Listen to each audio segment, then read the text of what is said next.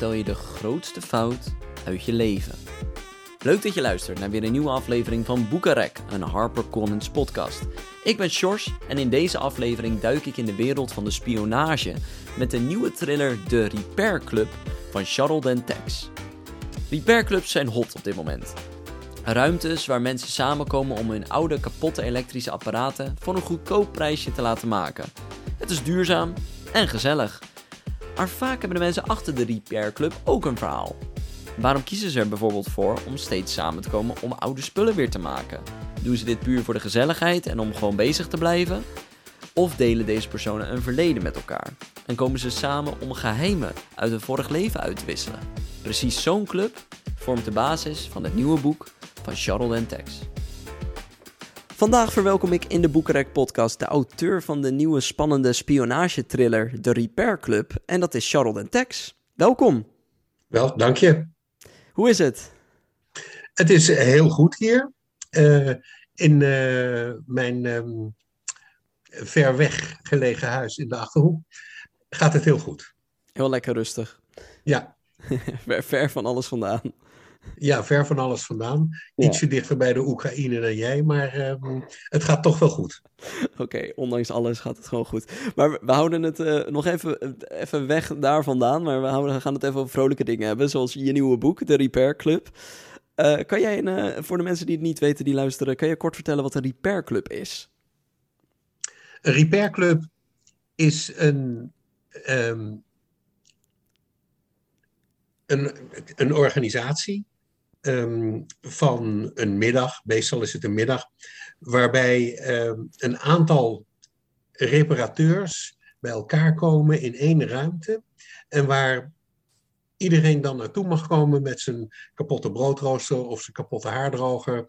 Uh, wat hij ook heeft wat kapot is, dan kun je daar naartoe brengen en dan wordt het gerepareerd als ze daar de spulletjes voor hebben. Maar het is dus een, een opzet waarbij het uitgangspunt eigenlijk is dat je spullen die kapot zijn niet meteen weggooit. En dat je ze kunt laten repareren. Uh, ook oudere spullen waar vaak de onderdelen niet meer voor verkrijgbaar zijn.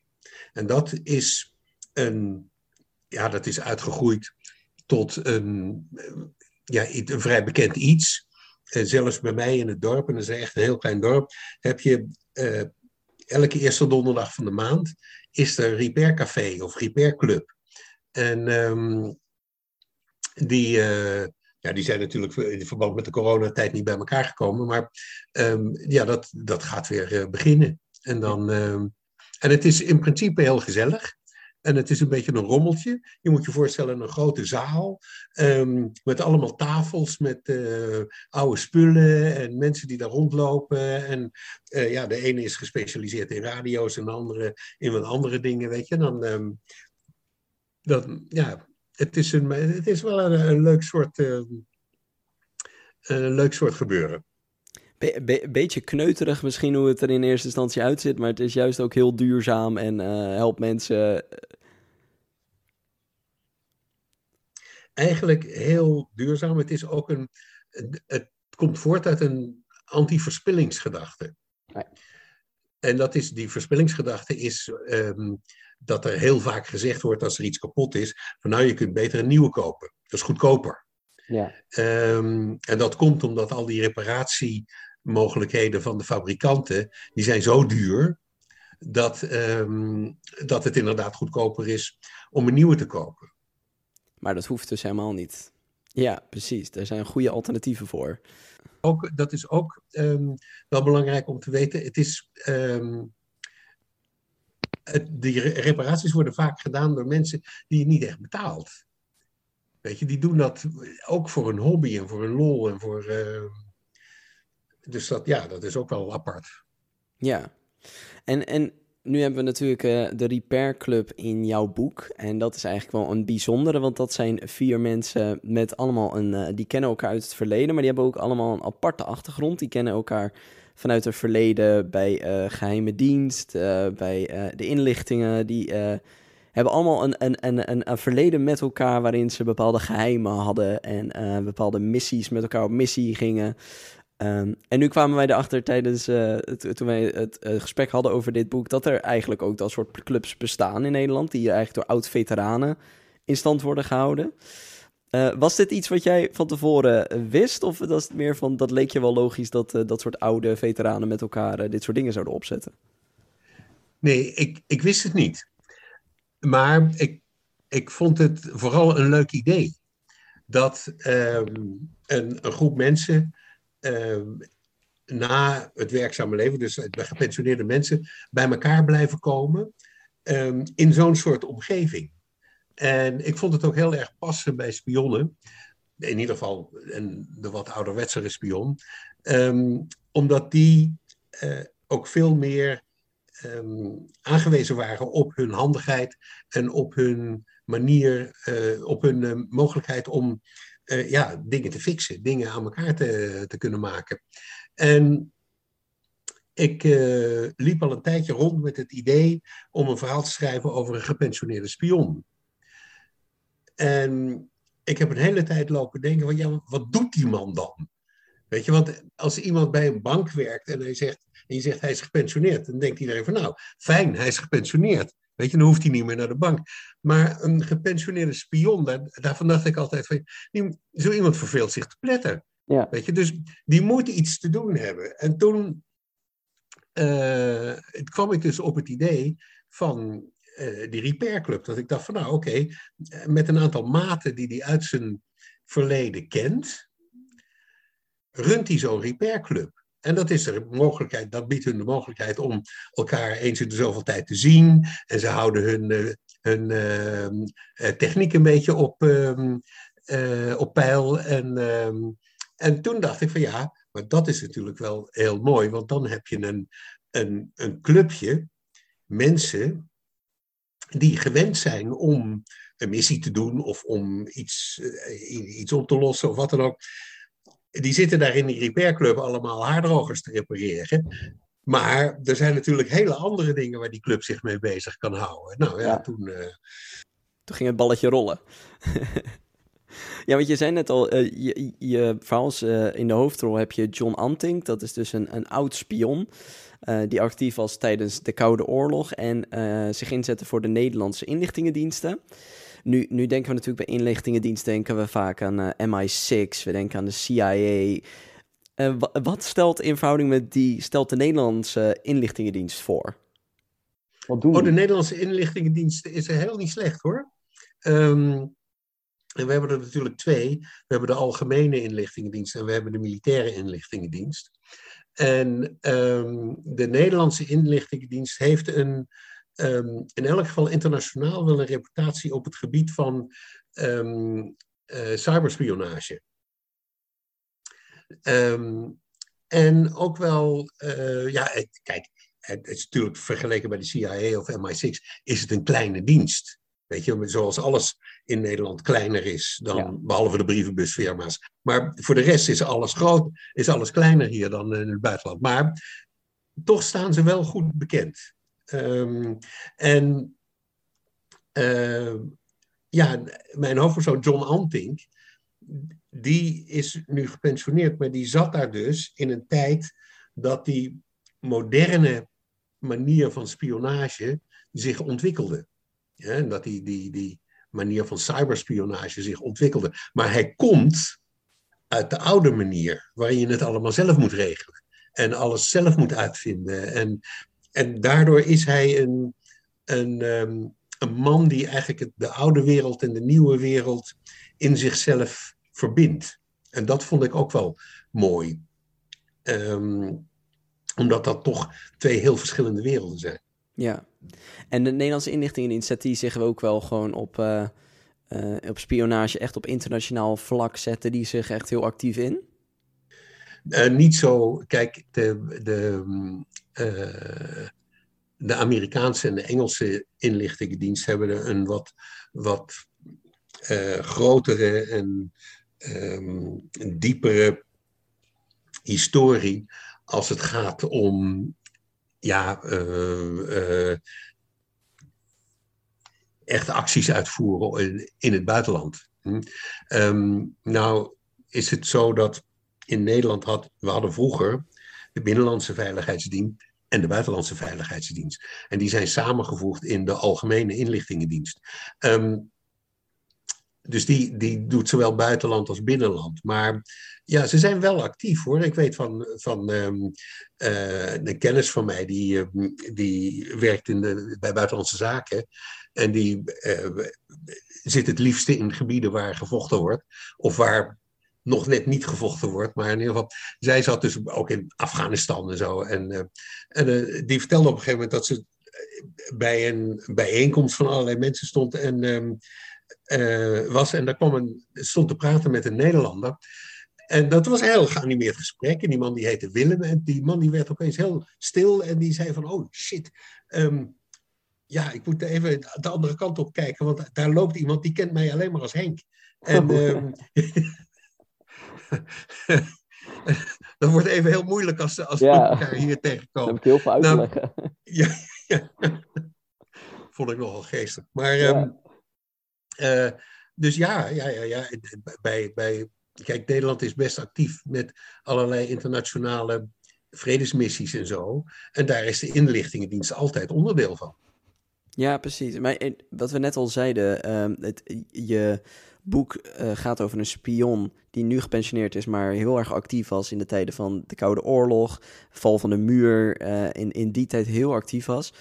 Eh, nu nemen we dit op op 1 maart 2022, eh, vijf dagen nadat Rusland Oekraïne is binnengevallen.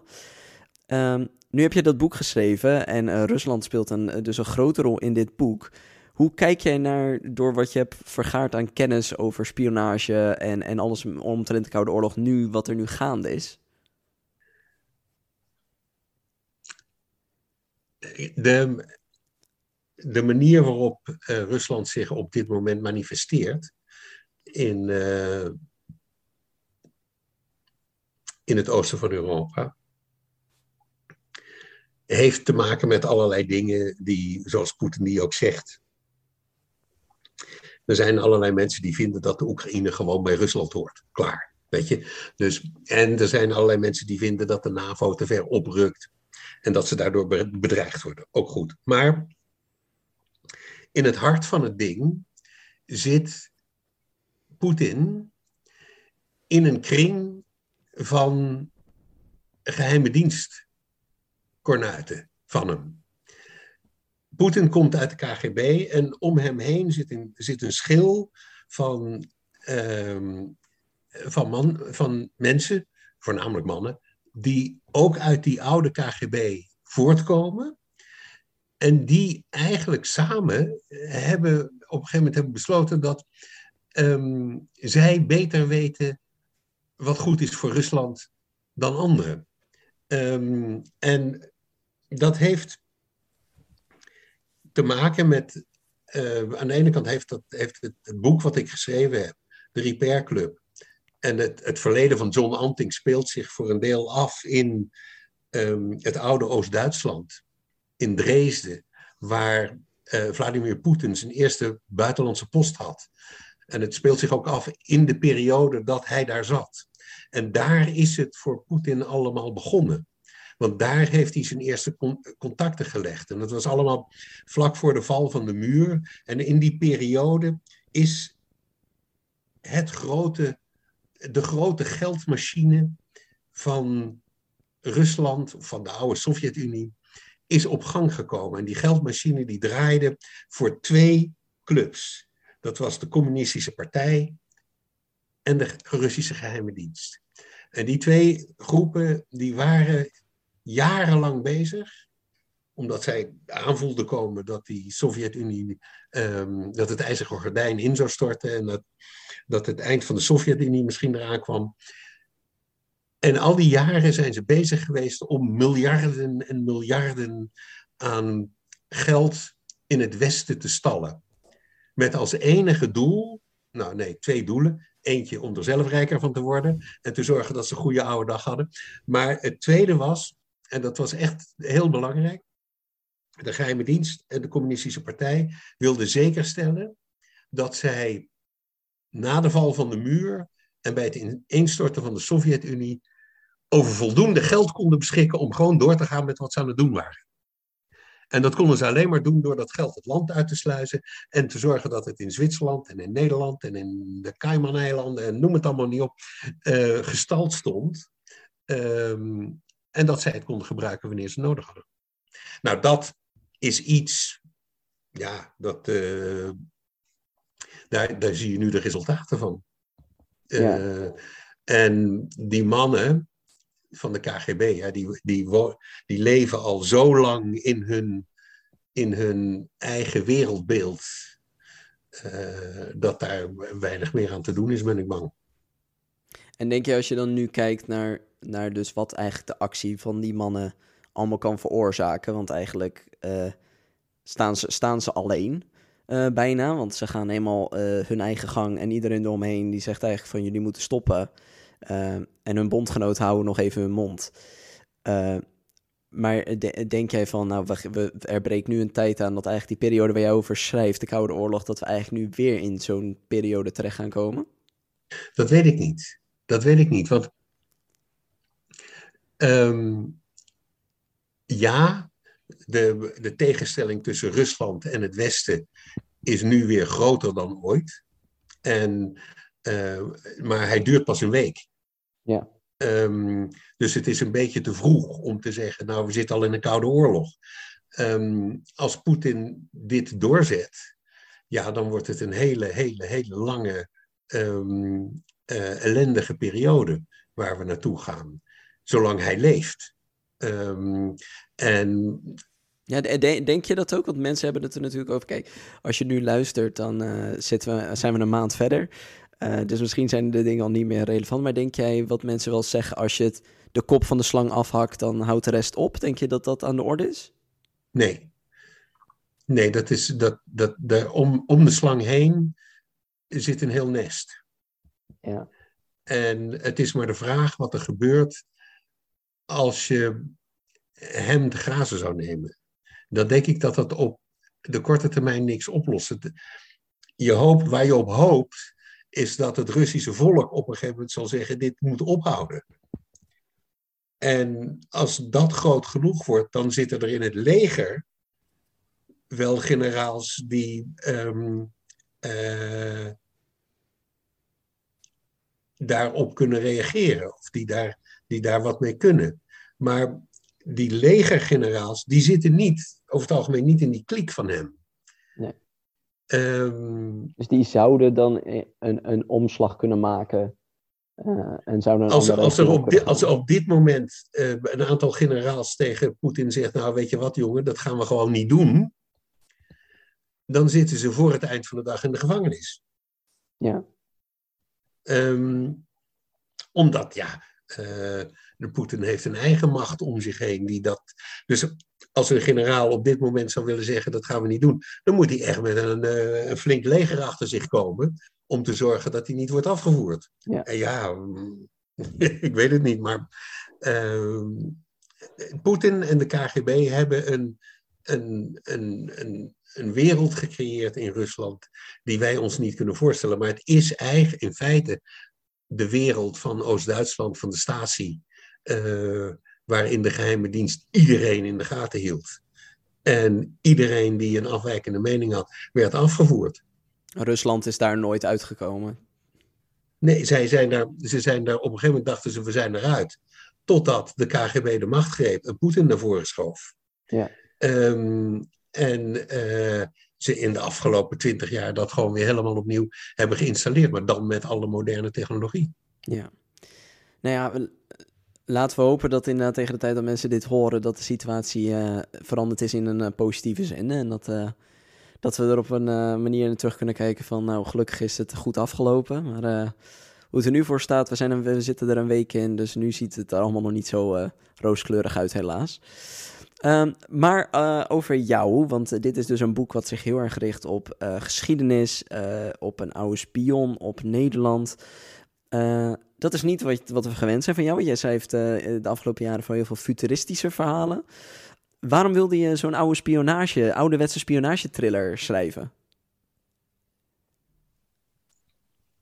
Ik wilde een ouderwetse spionagetriller schrijven, omdat dat me wel fascineert.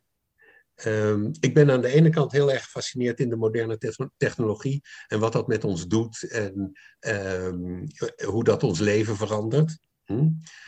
Maar aan de andere kant ben ik ook heel erg gefascineerd door zo'n man, of een vrouw, dat maakt niet uit, maar in dit geval dus een man, die zijn hele leven heeft opgebouwd rond geheimen. En, ehm,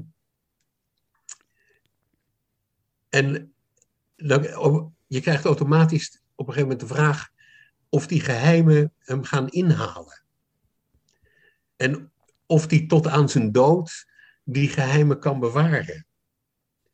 Um, en ja, dat, dat vind ik een heel mooi idee. Weet je, dat je, een, dat je een, iemand bent die je eigenlijk niet bent.